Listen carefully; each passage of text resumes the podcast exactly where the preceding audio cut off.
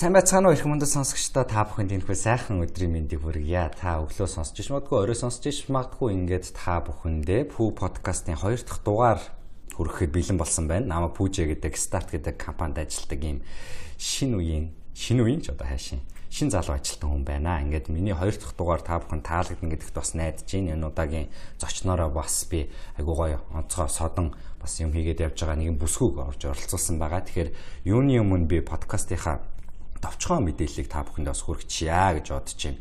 Пүү подкаст маань ерөнхий зорилго нь болохоор ер нь миний үеийн залуучууд, шинэ үеийн залуучууд за тэгээд шинээр ажилд орж байгаа ирээдүй залуу үеийнхэндээ өөрийнхөө дуршлагыг хуваалцах. За тэгээд мэддэг чадах бүхнээ ингээд цаашдаа хуваалцаад явах. Дээрээс нь би айгу мундаг зочдыг чадах чинээгээрээ подкаст руугаа татаж оруулж ирүүлнэ. Энэ хүмүүсийн одоо би шүүсийн шахаад та бүхэнтэй хамт бас хөргөх байгаамаа. Ийм зорилготой, айгу энгийн зорилготой подкаст хийж эхэлсэн байгаа. Тэгээ миний подкаст маань iTunes дээр орсон байгаамаа. Өөртөө бас баяр хүргэе. Баяр хүргэе. За тэгээ зочныхоо тухайд очихоо мэдээллийг өгье. Хамгийн сүүлд миний авсан зочны онцлог мэдээгээд мэдээн гэх юм бол энэхүү зочин маань номоо гаргасан юм бүсгүй байгаа. Тэгээд ямар ном бэ гэдгийг асуудахгүй та бүхэнд дэлгэрэнгүй танилцуулах байх гэж бодож байна. За зочин маань юм байна. За тэгээд дээрэс нь битэрийн өнөөдрийн ярилцах сэдв нь болохоор өнгөрсөн удаа би шинээр ажилд орж байгаа бол танд одоо байх шаардлагатай 5 ур чадвар гэж ярилцсан. Тэрний дунд нь илтгэх ур чадвар, ярих ур чадвар гэж орсон байгаа. Тэгээд тэрийг бас дэлгэрүүлж ярья гэж бодож энэхүү зочныгоо татц суулгаж оролцуулсан байгаа. За тэгээд сайн байна уу? Энэ өдрийн мэндийг хүргье. Намайг Пүүжэ гэдгээ. Таныг хэн гэдэг вэ? За сайн байна уу? Намайг Хулан гэдгээ. Энэ подкастын хоёр дахь зочноор орж байгаадаа их баяртай. Тэгээд аль болох илтгэх, ярих ур чадварын тухайд өөрийнхөө мэддэг зүйлсийн тухай та нартай хуваалцахаар өнөөдөр энд ирсэн байна. За тэгэхээр хулангийн хувьд маань яагаад энэ сэдвийг одоо онцолж би оруулж ирсэн бэ гэхээр манай хулан маань өөрөө хөтлөгч байсан тийм үү? Аха, телевизийн хөтлөгч байсан. Телевизийн хөтлөгч байсан. За тэгэнгүүтээ дээрээс нь суйсыг төгссөн. За тэгэнгүүтээ ярихаас гадна бас бичих ур чадвар маш сайн тийм үү? Баярлаа. Бичих ур чадвар, ярих ур чадвараа бас яг ингээд хөргөн суралцаад За хөөрхөн гин явуулчлаарай. Айгуу сайн суралцаад ингээд залуучуудынхаа бас тэргүүлээд ингээд явж байгаа болохоор таныг сонгож оролцуулсан байгаа. Бас дээрэс нь манай M Space office зуудаг хүн байгаамаа. Тийм болохоор ойрхон болохоор бас татаад оруулчлаа. Тэгээ хулангийн хувьд болохоор яг одоо хийж байгаа ажил нь юу байгаа вэ? Ер нь сүүлийн төвлөрч ажиллаж байгаа ажил нь юу вэ? Юу юу хийдэг вэ? Миний мэдгээр бол маш олон ажил хийдэг тийм үү? А яг одоогийн байдлаар бол би Gamma State гэдэг байгууллагт амьдралын хэв маяг судлаач гэдэг чиглэлээр ажиллаж байгаа. Тэгээд mm -hmm ер нь бол би сэтгүүлч мэрэгжилтэй, хөтлөгчийн мэрэгшилтэй, ажилтай тийм хүн. Тэгээд гаммада ажиллаж гин гүмүта гээд хувийн концепт стор бяцхан бизнесээ явуулдаг. Тийм нэг хүн байгаа. Хоёр бизнес гэсэн. Үгүй нэг нэг нь өөрөө нэг нь хүнийх юм уу? Гаммад хэзээ орлоо? Гаммад энэ 9 сараас орсон. 2018 оны 9 сараас одоо нэг удааг байгаа. Манай байгууллага ч гэсэн байгууллагад нэг удааг байгаа. Гэхдээ бас энэ богино хугацаанд бас чамлахааргүй ажлуудыг хийж явуулж байгаа байгууллага. Та нар хэрвээ мэдгүй бол бас Gamma State гэдэг манай байгууллагыг бас сонирхож хайж үзэх хэрэгтэй шүү. За тэгэхээр Facebook дээр эдний байгууллага маань бас айгүй итгэвтэй байдаг байгаа. Хэрвээ та эрүүл амьдралын хэм маягийг өөртөө бий болгоё гэж бодож явах юм бол за би бас айгүй товчхон ярьж чиж магадгүй болгоё гэж бодож явах юм бол Gamma гэдэг Facebook-ээр цочлоод гараарай гэж зөвлөмөр. За тэгэхээр бид хоёр шууд сэдв рүүгээ оръё гэж бодож байна миний ярианы темп маань бас өмнөх подкастаасаа илүү хурдан байгаа. Хэрвээ та энэ өмнөх подкастыг сонссон бол тэгээд аюул олон комментууд надад ирээд зөндөө олон комментууд ирсэн, зөндөө олон саналууд ирсэн. Тэгээд бас шүүмжүүд ирсэн байгаа. Тэгээд тэн дээр үндэслээд зарим нэг зүйлсээ бас засаад явж байгаа дуулахад таатай байна. Бас өөртөө баяр. За тэгэхээр асуулт нь юм байна. Би өөрийнхөө нэвтрүүлгийг подкастаа нэг хідэн structure-т оруулж үтсэн л тийм. Клиент авч байсан ингээ greetings ёо зочноо танилцуулаад за үргэлжлүүлээ сэдв рүүгээ орохдоо нэг үндсэн дөрөв хэсэг туваагдчихж байгаа хамгийн ихнийх нь асуух асуулт нь болохоор яад энэ сэдв чамд чухал гэж бодож байна. За тэгээд энэхүү сэдв нь яг ийм одоо ямар сэдвээр хэлсэн тухайн сэдв нь одоо нөхцөл байдал нийгэмд Монгол улсад ялангуяа ямар хөө хэмжээнд байгаа вэ? Ихэнх масс харах юм бол ямар байгаа вэ? Тэгвэл гаргалгаа буюу одоо шийдлүүд таны өгөх одоо зөвлөмжүүд юу байгаа? Тэгээд дөрөвдүгürt нь болохоор бас өөрийнхөө дуршилгаас яг энэ типүүдийг ашиглаад яг эндээс гарч чадсан суралцсан дуршилгаасаа яриад за дээрэс нь энэ болох үгүйг нь би сайн мэдэхгүй байна. Гэхдээ би нэвтрүүлгийнхаа төгсгөл хэсэгт өөрийнхөө унссан бас нэг жижигхэн мэдээг хүргээд эдгээр секундын нэг мэдээг хүргээд тэгээд дуусах юм байна. За тэгэхээр шууд асуулт руугаа орё гэж бодож байна. Ярих ур чадвар, илтгэх ур чадвар гэдгийг айгүй томоор бас би нэг ярмааргүй байна. Нэг тайзан дээр амар хэдэн мянган хүнтэй ингэж ярих илтгэх ур чадвар гэж ярмааргүй байна.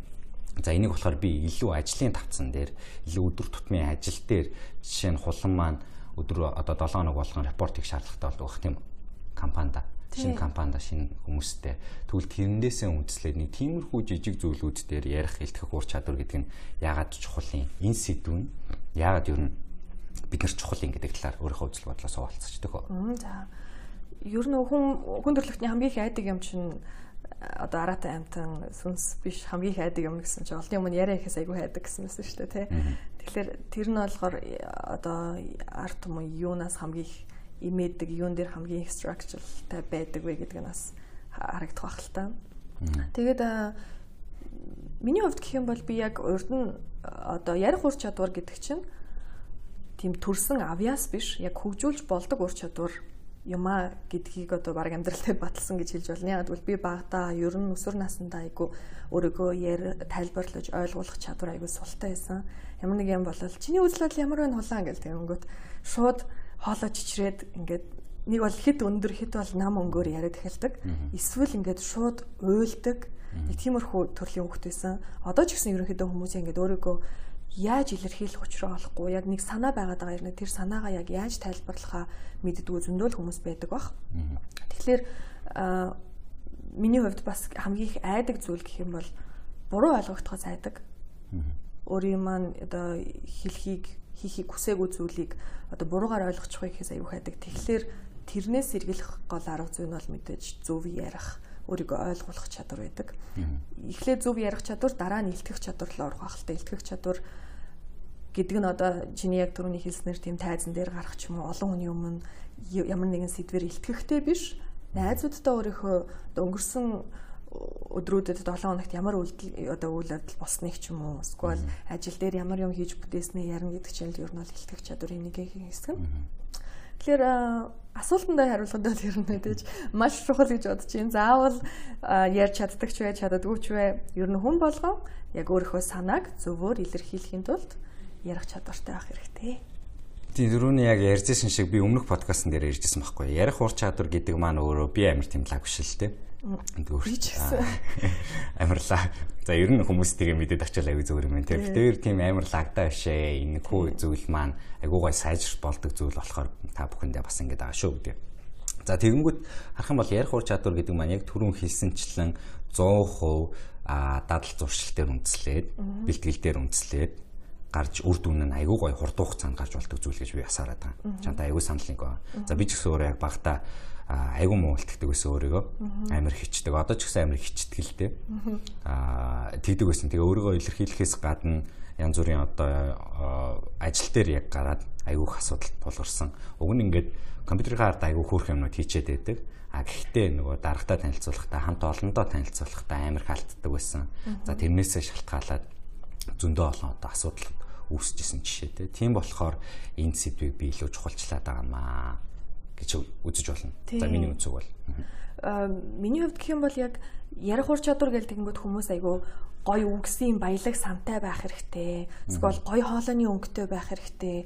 Эсвэл ярих гой сэдвтэй, сонирхолтой ярианы сэдвтэй байх хэрэгтэй гэж бодоод идэм шүү. Миний бодлоор гэх юм бол ярих ур чадвар гэдэг нь одоо тухайн яг одоо ярих тайлбарлах шаардлагатай байгаа сэдвийг ямар өнцгөөс харж байгаа вэ? Тэрийг яаж илэрхийлж байгаа вэ гэдэг нь чухал юм шиг байна. Тэгэхээр хүмүүс миний хоолой угаасаа айгүй нарийнхан болохоор би сайн одоо гоё хүний чихэнд чиргүүгээр ярьж чаддгүй маа. Би угаасаа л анханасаа чаддгүй юм гэсэн тийм юм бол биш. Миний бодлоор хүмүүс ингээл бид нар ч гэсэндээ ингээд ямар нэг юм боллоо гэж бодоход тэрийг хүнд тайлбарлаж өгөхдөө яг нөгөө хүний одоо гутланд одоо нэг нөхцөл байдалтай гутланд нь гიშгэж яг тухайн хүний нөхцөл байдалд өөрийгөө тавьж үзэхгүйгээр яг өөрийнхөө харах өнцгөөс харж байгаа л яг миний мэдж байгаа мэдээллийг энэ хүн угаасаа мэдж байгаа. Тийм болохоор би нэмэлтээр ганц хоёр мэдээлэл хилээд өгчхөд одоо ойлгогдчих واخа миний хэлэх гээд байгааг ойлгочих واخа гэж бодд юм шиг байна. Тэгэхээр миний бодлоор одоо ярих ур чадвараа сайжруулах хамгийн ихний алах мань болохоор тухайн хүний нөхцөл байдалд өөрийгөө тавьж үзээд маш дэлгэрэнгүйгээр олон өнцөгт бүх мэдээллийг өгөх хэрэгтэй гэж бодож байна. Манайхан чи ер нь ингээл ямар нэг юм ярихаараа жоохон маргалдах шинж руугаа орчод идэг штэ тий. Ямар нэг юм тайлбарлаад өөрийнхөө хийсэн тэр үйлдэлийг одоо тайлбарлах хэрэгтэй болох юм бол тайлбарлах биш өөрийгөө өмөөрөх эсвэл нөгөө хүнийг шууд буруутгах ч юм уу нэг тийм одоо хамгаалтын систем рүүгээ шууд орчод байдаг санагддаг. Тэгээ нөгөө сонсож байгаа хүмүүс нь ч гэсэн яг тийм байр суурьтай байдаг шүү дээ. Юм сонсохоос төрүүлтэй ирэлүүдтэйгээ толгоонд нь ихэнхдээ зарим хүмүүс магадгүй байдаг вэ гэхээр юу ч ярьсан бай хамаагүй би эндээс нөгөө нэг болохгүй гэдэг юм ин гаргаж ирэх хэвээр. Сонгож сонсдог хүмүүс байдаг шүү дээ. Нийт сэдвийг биш тэр дундаас ганц хоёр үгийг нь сонгож сонсоод яг тэрэн дээрээ дөрөөлдөг. Тим сонсогч битээ байгаараа бас шууд яг тийм дайрдаг ч юм уу өөрийгөө өмөрдөг ч юм уу төрлийн яригч бас бити байгаарэ гэж зөвлөмөр байна. Яс. За тэгвэл хоёр дахь асуулт нь асуултынхаа нэг дахь асуултынхаа сэдвийн өрөөнд ингээд амар их ярилцаад байвал айгуу юм. Би тэгээд угаасаа подкастын хүрээнд айгуу бол юм товшиж үзэх бах. Нэг хийгээд айгуу супер болчихгүй бах. Тэгээд гих мэдчлэн ингээд одоо шат дараалттай явуул ер нь яаж зүгээр болж байна. заалж авах. За тэгвэл хоёр дахь асуулт нь юм байна. Энэ сэдв нь яг нийгмийн зүгээс нийгмийн өнцгөөс яг залуу хүнийхээ хувь хүнд хүүхнийхээ үүднээс ер нь ингээд залуучуудтай мэн харьцдаг шүү дээ тийм.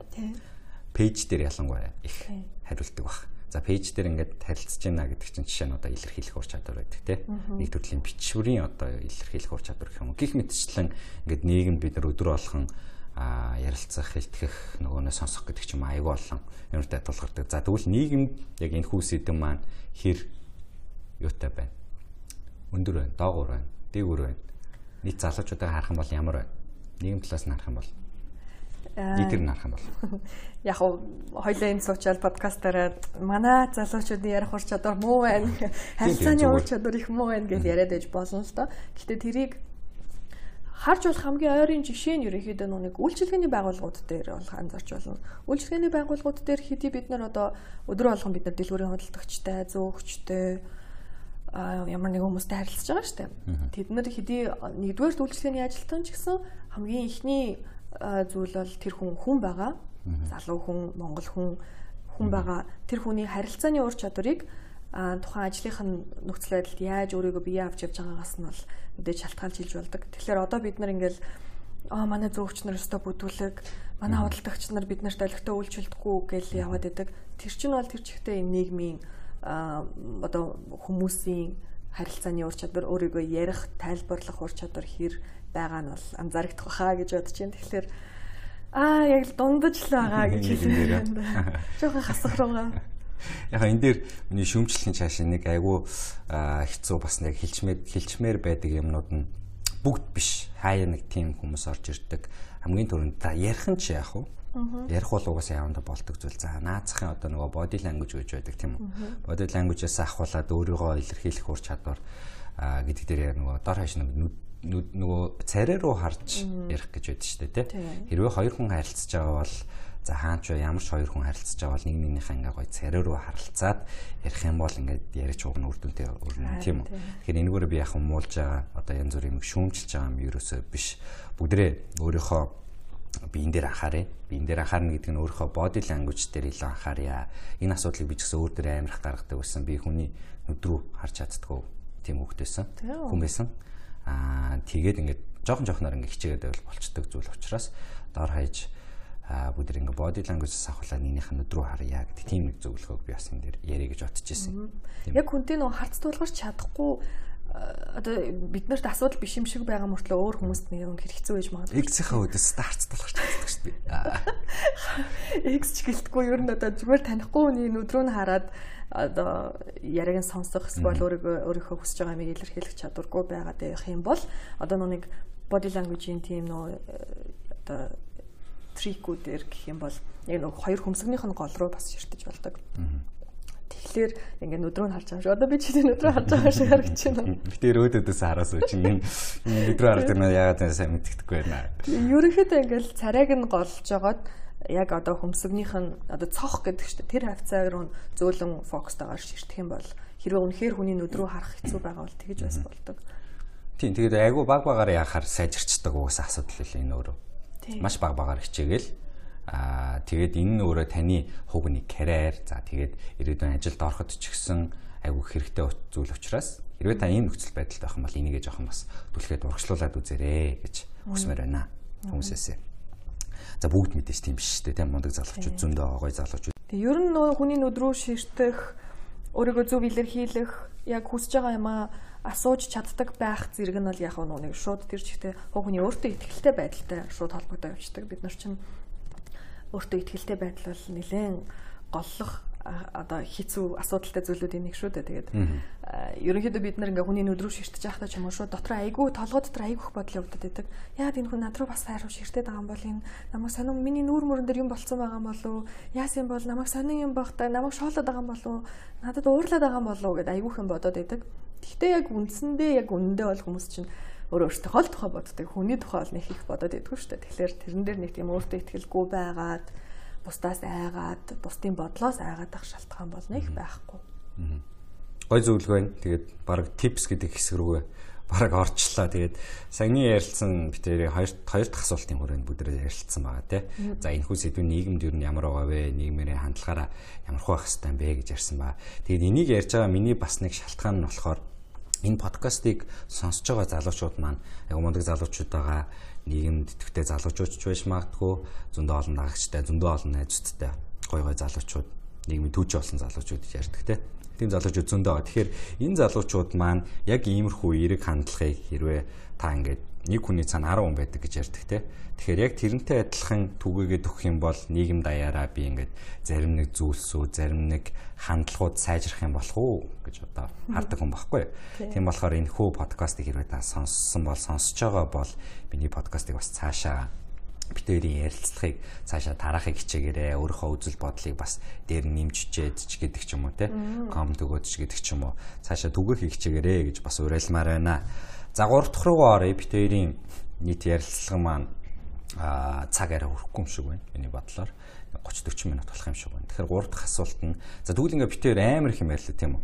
Ярих чухал, ярих илтгэх хур чадвар аягүй чухал байдаг, ажил дээр чухал байдаг, нийгэмд юм байдаг гэх мэтчлэн. За тэгвэл хоёулаа бүр яг амьдралд наалтцтай өөрсдийнхөө зүгээс өгч байгаа зөвлөгөөнүүдээ шууд дараагийн 3 дахь 4 дахь асуултуудад хариулаад өгье гэж бодож байна.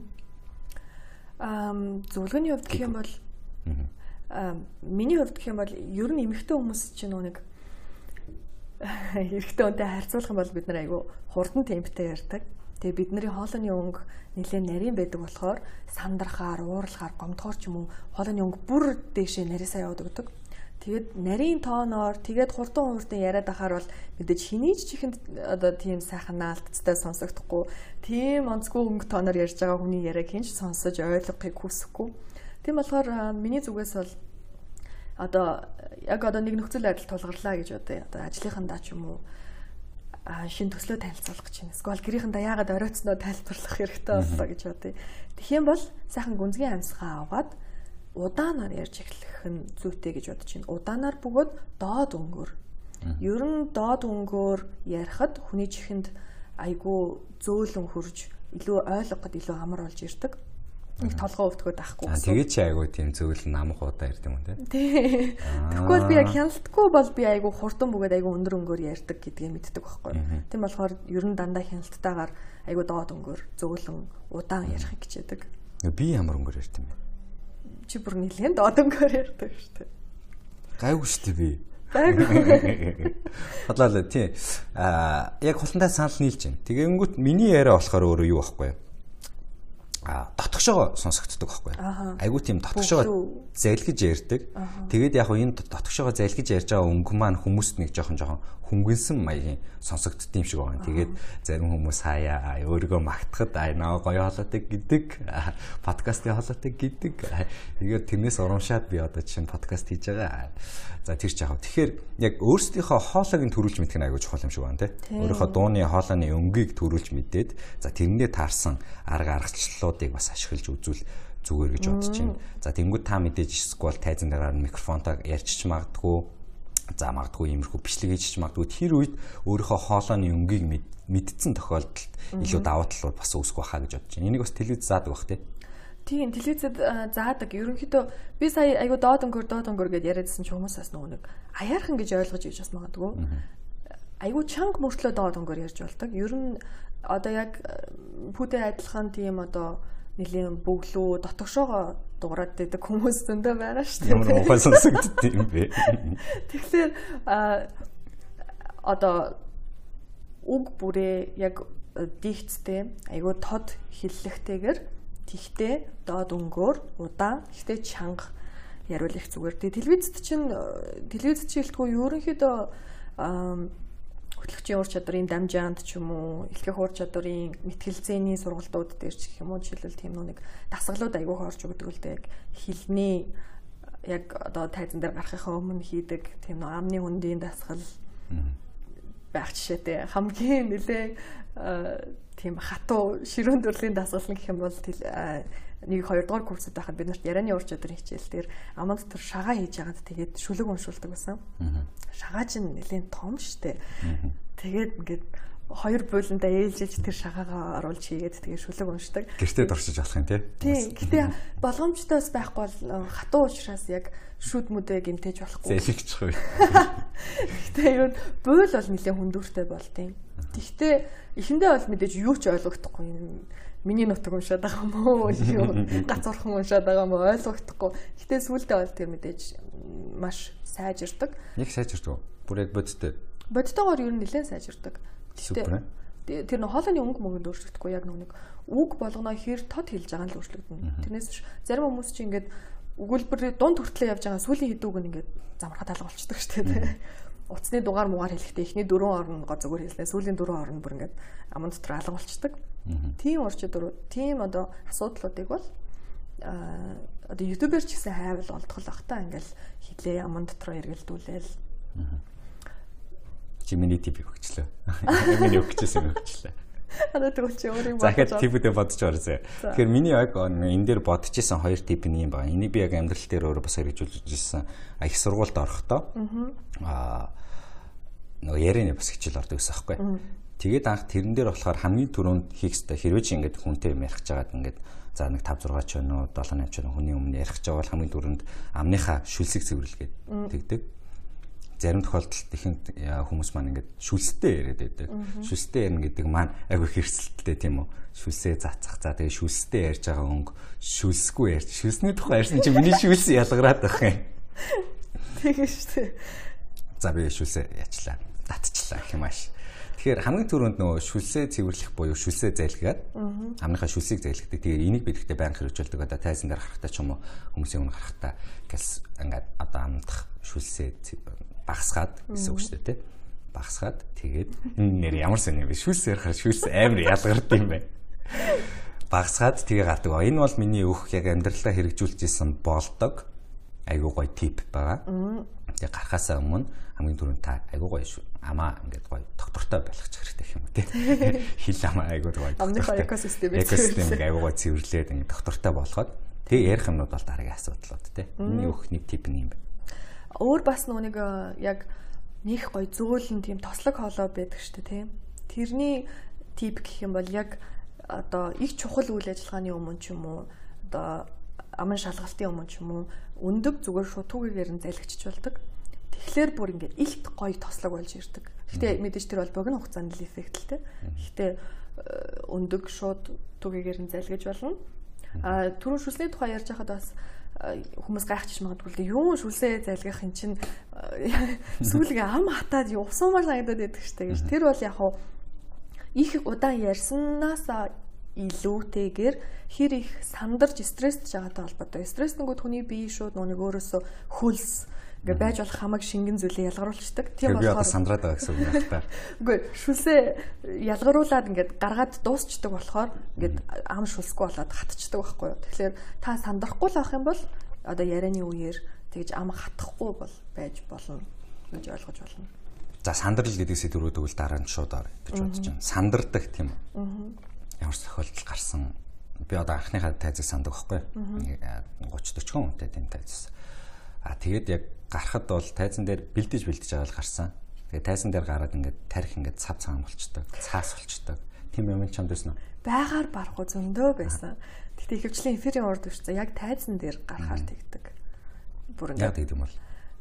Тэр одоо бидний илтгэх ур чадвартай ямар ч холбоогүй тэр бол бидний одоо сандрал стрессийн л хийж байгаа ажил баг. Тэгэл угаасаа яг тархин шууд тэр нөгөө хийх ажилдаа төвлөрөхгүйгээр шууд нэг өөртөө ихтгэлгүй байдал дээр шууд төвлөрөл би тайзнаар гараад ирлээ. Одоо энд байгаа бүх хүмүүс намайг харж байгаа. Эсвэл хурлын өрөөнд босоод төсөл танилцуулж байгаа гэхэд бүх хүмүүс намайг харж байна. Одоо тэр тэгэж бодож байгаа бах, энэ ингэж бодож байгаа бах гэсэн тэр бодлуудаас л үүдэлтэй л дээ. Чи энийг яг давж гарч ирсэн түүх байгаа типүүд. А энийг давж гарч ирсэн гэх юм бол одоо ямар арга ашигладаг вэ? Одоо тайзан дээр гарахтаа угсаал сандардаг шүү дээ. Угсаал сандардаг. Хэмжээ сандрал бол угсаал байдаг. Чиний гаргадаг одоо ажилдаг тийм гоё юу байна. Миний бодлоор бол ингээд яг өөрийгөө бас яг жоохон шаардлагатай нөхцөлд өөрийгөө тусгаарлаад авчвал зүгээр. Тэрнээс шууд ингээд одоо тийм богино бид нар ингээд юм ярьж байхад нөгөө хүний харц хийж байгаа үйлдэл нь бүгдээрээ биднэрт харагдана шүү дээ тий. Намайг юм ярьж байхад ингээд илгээ тэрсэн, сквал ингээ өөр тийшээ хараад, сквал ингээл харцсан нэг тийм чижтэй гэсэн харцтай байгаад ахын бол шууд би тэрийг хараад ойлгоод өө яна энэ хүнд би таалагдахгүй яна би ярианыхаа сэдвийг өөрчлөе гэж боддог. Тэгэх шаардлагагүйгээр өөрийгөө тухайн моментод таслаад нар угаасаа миний яриаг сонсно. Хайлайт одоо над дээр байгаа учраас би яаж ч удсан энэ яриагаа дуусгах ёстой гэж үзээд бус хүмүүсийг ер нь бол хараад хэрэггүй бусд хүмүүсийн реакцийг сайн талаар нь хүлээж авч болно. Тэрнээс биш одоо ингээд яана яаж байгаа бол яана яаж байгаа бол гэсэн бодолтойгоор тэр хүмүүсийн реакцийг харахгүйгээр ингээд цав цагаан болгоод бус хүмүүсийг ерөөсөө одоо нэг зарим нэг тип байдаг штэ чи хүмүүс хүмүүсийн өмнө тайзан дээр гарахаас айгаад байвал тэр хүмүүс бүгдээрээ нүцгэн байгаа гэж бодчих. Нөө нүцгэн хүмүүс байгаа юм чинь ичих ёстой хүмүүс нь чи биш тэд нар байх учраас бити санаа зов бити ич өөрөөхөө бай гэсэн тийм тип хүртлээ. Гой, nice. За тэгвэл миний өөх тип энэ заяа. Их дээр нэгнээсээ дээрээсээ гаргаад байгаа шиг. Тэгэхээр энэ яг над дээр хэрэгжижсэн. Гэхдээ одоо хүртэл бас ашигладаг нэг юм байна. А олонний юм гараад ингээд ярих юм бол мэдээ толгоол тодорхой хэмжээнд цагаан дуу цаас болоод за тэнгүүтээ а хүмүүс юу гэж бодож байгаа гэдгээс санаа зовдөг. За тэнгууд маш олон царайнууд урд харагдаж эхэлдэг. За тэгэнгүүт өөрийгөө би төвлөрүүлэхийн тулд одоо жишээ нь 10 хүн зэрэгцээд миний урд ингээд сандалтай сууж илаа гэж бодоход би дор хаяж нэг хоёрын хоёр хүнийхэн царайн дээр нь тогтоод юм ярьцдаг буюу би тайзан дээр юм ярьж байгаа бол хэдэн хүмүүсийн хурлын одоо ширээн дээр юм ярьж байгаа бол би хоёр хүний л царай руу харж ярина гэсэн үг. Хоёр хүний царай руу хараад тэр хоёр тэр хоёр хүн нь одоо нэгэн цахад нөгөөх нь нөгөө цагт сууж ивэл бас илүү зүгээр. За тэгээ голд нь бас нэг хүнийг хад царайг нь харчвал бүр зүгээр. А тэгтээ царай руу харж ингээд игээл нөгөө хүнээсээ ингээд шилжээж шилжээд ингээд толгоогоо хөдлөн гэсэн үг ерөөсөө биш. Ер нь нэг өнгө айс үүдэж нэг. Тийм нэг одоо ярьж байгаа болохоор илэрхийлгээд бас жоох хэцүү маа. Ер нь нэг та одоо аудиенстай нэг гурван үний царайг хараад тэр гурвынхаа хооронд ингээд нүдээ гүйлгээд яриад явах юм бол та илүү төвлөрч чаддаг юм шиг санагддаг. Энэ бол над дээр 100% хэрэгждэг процесс. Би YouTube-ээр сурч илүү, ахнараас сурч илүү мартчихж Тэгээ одоо хүртэл нэлээд хэдэн жилийн өмнө сурч исэн. Тэгээд одоо хүртэл ажилдаг юм тип байгаа шүү. Тэгэхээр юмны өмнө гарч ярихдаа 2-оос 3 үний царайг цээжлээл тэр 3 руугаа хараал ярьчих. Бус хүмүүс маань нөгөө нэг тэр хооронд нь харагдаж өнгөрөөд байгаа байхгүй. Тийм болохоор та одоо гарангуутаа бүх хүмүүс рүү харж ярьж ярина гэж одоо байхгүй шүү дээ чинь тий. Айгүй хэцүү. Тэгээд эргээд сандралд ортог. Тийм болохоор тиймэрхүү хүмүүсийг тогтоочоорой гэж зөвлөх гээд байна. 10 жилийн багш нараас айтагддаг шүү дээ. Тий. Яг нэр багшийн нүдэнд өртчих юм бол тэгээд тэр 40 минутын турш багштай ай контакт хийж байх хэрэгтэй болчдөг. Өөр юм хийж болохгүй тий. Өөр тийш харж болохгүй. Дараагийнх нь миний өөх нэг юм болохоор бас ажилтдаг. Над дээр айгүй сайн ажилтдаг юм. Аа гартаа юм барих. Гартаа юм барьж гарах тэрүүгээрээ нөгөө юм заах, оролдох гэдэг ч юм уу. За кофетэй аяг бол байж болно. Гэхдээ тэр чинь нөгөө дүүрэн кофетэй биш нэг жоохон кофетэй. Тэгээд аваад бариад ингээд иж болно гэсэн үг. Тэр хооронд нөгөө юмнуудаа жоохон бодно шүү дээ, тийм. Тиймэрхүү төв байдаг. Айлсгүй бол маркер бариад гарах. Маркраараа тохиж зангах, юм зум харуулах, body language-аар юм үзүүлэх, самбар дээр юм зурах гэх мэтчлээ. Энэ нь өөрөө яг нэг сандарлыг тодорхой хэмжээнд амар багасгадаг. А 3 дугаарт нь янз бүрийн том арга хэмжээ охин бол нөгөө нэг цаасаа бариад гарчна. Аа А4-ийнхаа цаасыг эсвэл хатас барь гарчин. Тэр ингээ гартаа юм барьцсан байхад за нөгөө талд чи микрофон байж болно. Бариад ингээ гарцсан байхад айгүй гоё болчихдээ. Ер нь бол хийх юмтай болчдөг аахгүй гараа өөрөө. Наач өстэй зөв. Тэг санагддээ надад. Тэг уус айгүй хэрэгждэг бас дээрээс э, дээр YouTube-ээс үзэж илүү ахнараа сонсч илүү мартцсан байна бас. Тийм нэг хоёр хэрэгждэг юм байгаа шүү. Айгүй гоё. Цаас барьж гарах гэснээс э, хүмүүс ерөнхийдөө айгүйх одоо хүнд юм ярих гэж байгаа бол тайлбарлах гэж байгаа бол цаас барьж гарчаа тэрийг уншичдаг штэ тий. Тэр унших бол ёстой үнэхээр буруу санагддаг. Тэр бол зүгээр л одоо өөрөө яг микрофоны үүргийг л гүйцэтгэж яах гэсэн үг болов штэ тий. Тэрнээс биш яг ингэж нөө хүнд тэр мэдээллийг хүлээл гэж өгөх биш зүгээр ингээд цацчихдаг. Тэгээд тэр нь тэр нөгөө хүндээ хурж ийн үгүй юу тодорхойг болчдөг. Тэгээд боломжтой бол бэлдсэн мэдээлэлээ бити харж уншаарай яг цаас барьж гарч байгаа бол тэнд бүх мэдээлэлээ бичээд ерөөсө хэрэггүй. Яг тэр цаасан дээр том том фонтоор том том үсгнүүдээр яг онцгой онцгой топикнуудаа яг түлхүүр өгнүүдээ биччих. Тэгээд тэр түлхүүр өгнүүдээсээ хараад яг дараагийнхаа үгүй хитэн өгүүлбэр ямар байхыг цээжилж юм бол ерөнхийдөө тэгэж болдог. Тэрнээс биш яг манайхан чи яг ингээд бүтэн төслөө тэр чигтэнд барьж гараад тэгээд хаанаас уншиж яснаа мартаа тэрийг цаасан дундаа төөрөөд хайгаад Тэгэхээр өөрийгөө улмал илүү хүнд байдалд оруулахын хэрэг юм шиг санагддаг. Тийм. Тэгээд би өөр амар салхуу юм баггүй юу? Мангар салхуу тэгээд ингээд одоо жишээ нь дээр үед ингээд типүүдийг уншингууд ингээд ярих юмаа бич гэдэг тийм типүүдээс аахгүй шатараал нь бичгээд. Тэг би угаасаа тэгж бичиж чадахгүй амар салах уу? А тэнгуүтээ би зүгээр bullet point хийж дүүсэн байхгүй одоо нийт ярих юмаа ингээд нэг дөрвөн хэсэг хуваагаад ч юм уу те. За эхний хэсэг бод би бол ингээд подкаст дээр ингээ ориентейшн явнаа. Ориентейшныхаа дотор ингээ юу ч хийж болно би ингээ тэр үед ингээ бодоо бодоо явчихна. За хоёр дахь хэсэг дээр би тийм ярина, гурав дахь хэсэг дээр тийм ярина. Төгсгөл нь бол нэг иймэрхүү юм байна гэдэг ч юм уу. Яг дор хаяж нэг тийм structure гаргаад биччих юм бол зөв юм бэл. Тэгээ бичнэ гэдэг чинь өөрөө нэг нөгөө цээжлэхийн нэг үйл явцсан байлээ л дээ цээжлээ тэрийгэ бичсэн болохоор таны тархинд чинь тодорхой хэмжээнд суудсан байгаа. Тэгээ тийм болохоор тэрийг тэр чин бодогдоод ингээд ярихад бас улам илүү амар болт юм бэл. Энэ л бас нэг тийм. Ер нь хүн яг өөрийгөө мэдэх хэрэгтэй гэдэг гэдэг нь бас энэ дээр батлагдана. Ерөнхийдөө нөгөө хүн болгоны тарих өөр өөрөөр ажилладаг. Ямар мэдээллийг ямар байдлаар хүлээж аваад тэрийг илүү удаан хадгалдаг вэ гэдэг нь одоо жишээлбэл би бол яг бичсэн юм илүү удаан хадгалдаг. Зарим хүмүүс зүгээр нүдээр хараад уншсан байхад хангалттай удаан хадгалагдчихдаг. Зарим нь зурган мэдээлэлээр илүү сайн ажилладаг, зарим нь тоо мэдээлэлээр илүү сайн ажилладаг. Зарим нь зүгээр сонсцсон байхад хэн нэгэн хүн ярьж өгж байгааг нь сайхан сонсцсон байхад тэрийг дахиад цааш нь дамжуулах ур чадвартай байдаг. Яг аль нь вэ гэдгээ өөрөө сайн олж мэдээд тэгээд тэр мэдээллийг ямар ч гэсэн өөрөөр нэг бэлдсэн байхад л ер нь тэгэл гайг болно доо. Бэлтгэл угаасаа аягүй чухал. Бэлтгэлийн үндсэн дээр та баг багаар бас сайжраад өгнө гэдэгтээ бид хоёр болон өөрсдөө хувь өмнөхөө үднэс 100% итгэлтэй байна гэж бодож байна. За нэг үндсэн дөрвөн асуулт маань ингээд дуслаа. Типүүд маань дуслаа. Өөр ярих юм байна ууланд. Рекламдах юм байна. Номоо ярих юм уу?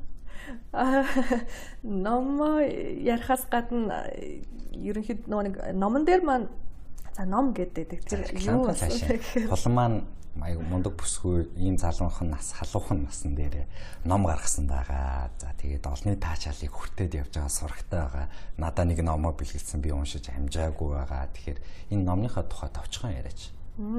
Энэ болохоор A Year to Remember 52 хоногийн туршид шинэ зүйл суралцсан тэмдэглэл гэдэг ном байгаа. Тэгэхээр энэ бол зүгээр л яг гарчин дээр хэлсэн шиг би яг 52 хоног буюу 1 жилийн турш 7 хоног болгон өөрийгөө ямар нэгэн шинэ ур чадварт сориод тэр зүйлийг туршиж үзээд тэгээд тэр тухайга тэмдэглэсэн. Тэгэхээр яг 7 хоног болгоно нэг шин зүйл сурч мэдсэн хүний одоо бүтлгүүцсэн амжилтанд хүрсэн олон одоо сонирхолтой тэмдэглэл учраас э, хүмүүст одоогийн байдлаар бол гайгүй сайн фидбэктэй гайгүй байгаа.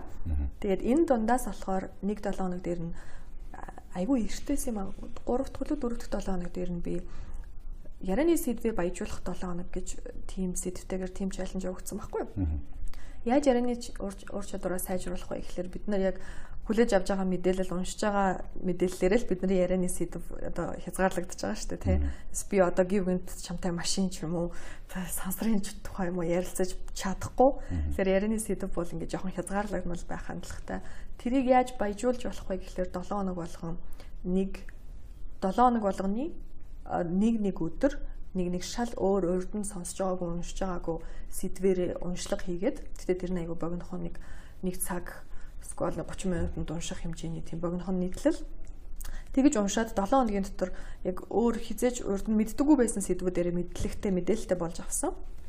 Тэгэхээр хүмүүс ч гэсэн ерөөхдөө ярианы сэдвээ баяжуулахыг хүсвэл илүү сонирхолтой харилцан яриа өрнүүлэх чадвартай болохыг хүсэх юм бол бас ярианыхаа уншдаг юмныхаа хүрээг нь жоохон өргөжүүлээд үгүйсээ өгвөл бас зүгээр юм шиг байлаа шүү ер нь. Аа. Ер нь ямар ч зүйл нэг хүмүүстэй ярих шаардлага гардаг те. Тодорхой хэмжээнд тэгээ яг хийж чаддгүй мах энийг ийм өгөөд штэ.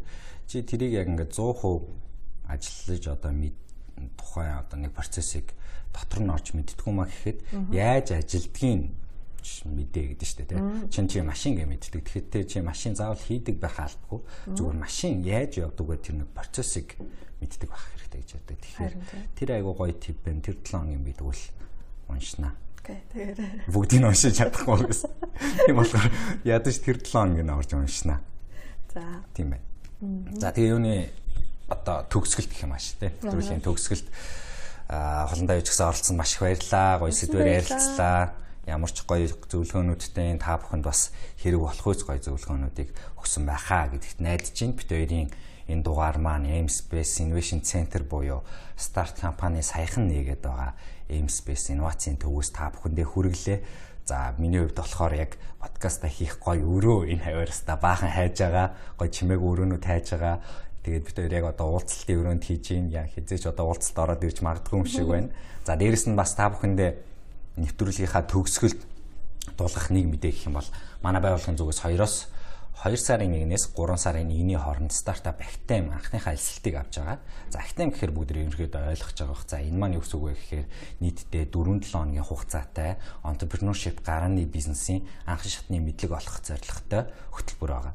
За тэгээ аль биесны одоо старт компани сүүлийн 7 жилийн дуршлаг дээр үндэслэж гарсан хөтөлбөр болохоор контент хэвд бид нэр ерөөсөө санаа зовхгүй байгаа.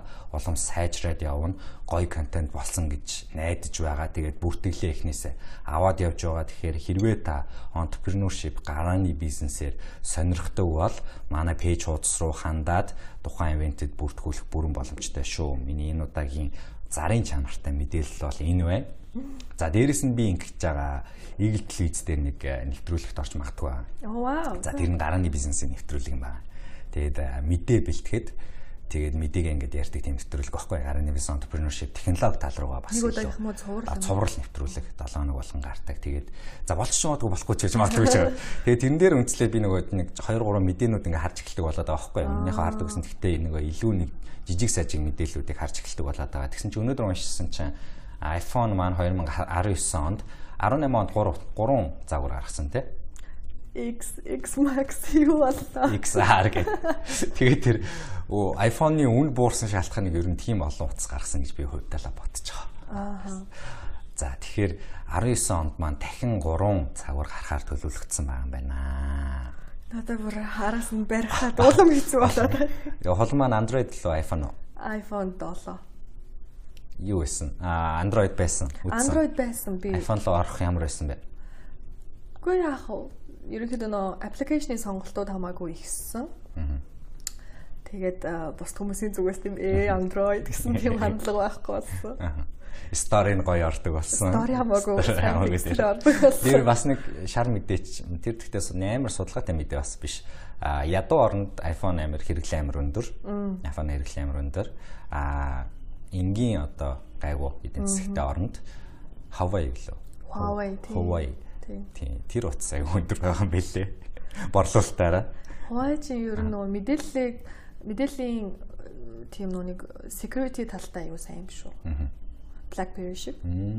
Зөв зөв хоёрын талаар вест уншиж байгаагүй юм байна. За тэгээ ямар ч байсан 2019 онд бид нэр iPhone-ы 3 загварыг хүлээж авах нэ. Дэлгэрэнгүй мэдээллүүд нь бас тунгуудахгүй тавигдах байх гэж бодож байна. Энэ бол зүгээр таамаглал бас мэдээ байгаа гэдгийг та бүхэн ойлгож авах гэж бодож байна. Энэхүү подкастыг хэрвээ та энэ үртэл сонсож чадсан бол танд баяр хүргье. Баяр хүргье. За тэгээ хамт байсан бүгдээрэнд нь маш их баярлалаа. Яриг хандлагыг бас нийгэмдээ иргэн тойрныхын хамтдаа түгээе. Дараа дараагийн нэвтрүүлгүүдээр дахин уулзахын өрөөлийг дэвшүүлье. Дараагийн дугаар хүртэл түр баяртай. Пока.